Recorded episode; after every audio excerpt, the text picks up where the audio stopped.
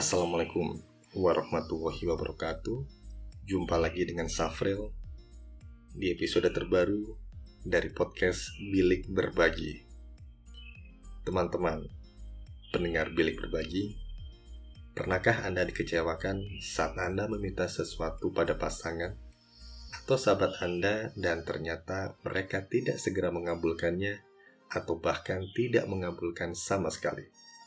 Atau pernahkah Anda melakukan sesuatu yang menurut Anda baik pada pasangan atau sahabat Anda dan ternyata mereka tidak merespon sebaliknya?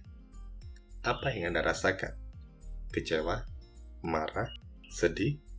That's normal. Namun akan tidak baik bila kecewa atau marah atau sedih ini menjadi berlarut-larut dan mengganggu kejiwaan Anda. Anda merasa tak disayangi lagi atau malah takut untuk berbuat baik lagi. Bagaimana bila kita mencoba cara baru? Nggak ada ruginya kan? Kalau nggak cocok, ya udah, pakai cara lain atau Anda kembali baper lagi.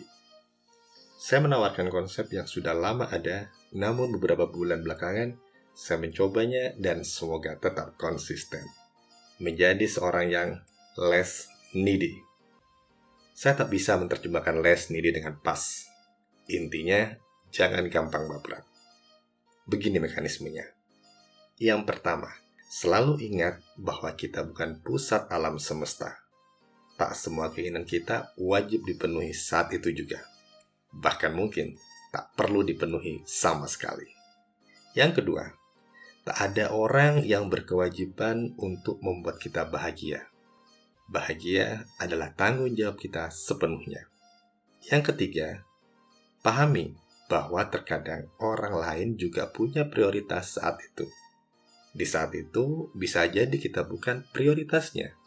Namun, selalu ada momen saat kita menjadi prioritasnya bila memang hubungan kita dengan mereka baik-baik saja dan kita masih menjadi bagian hidup mereka.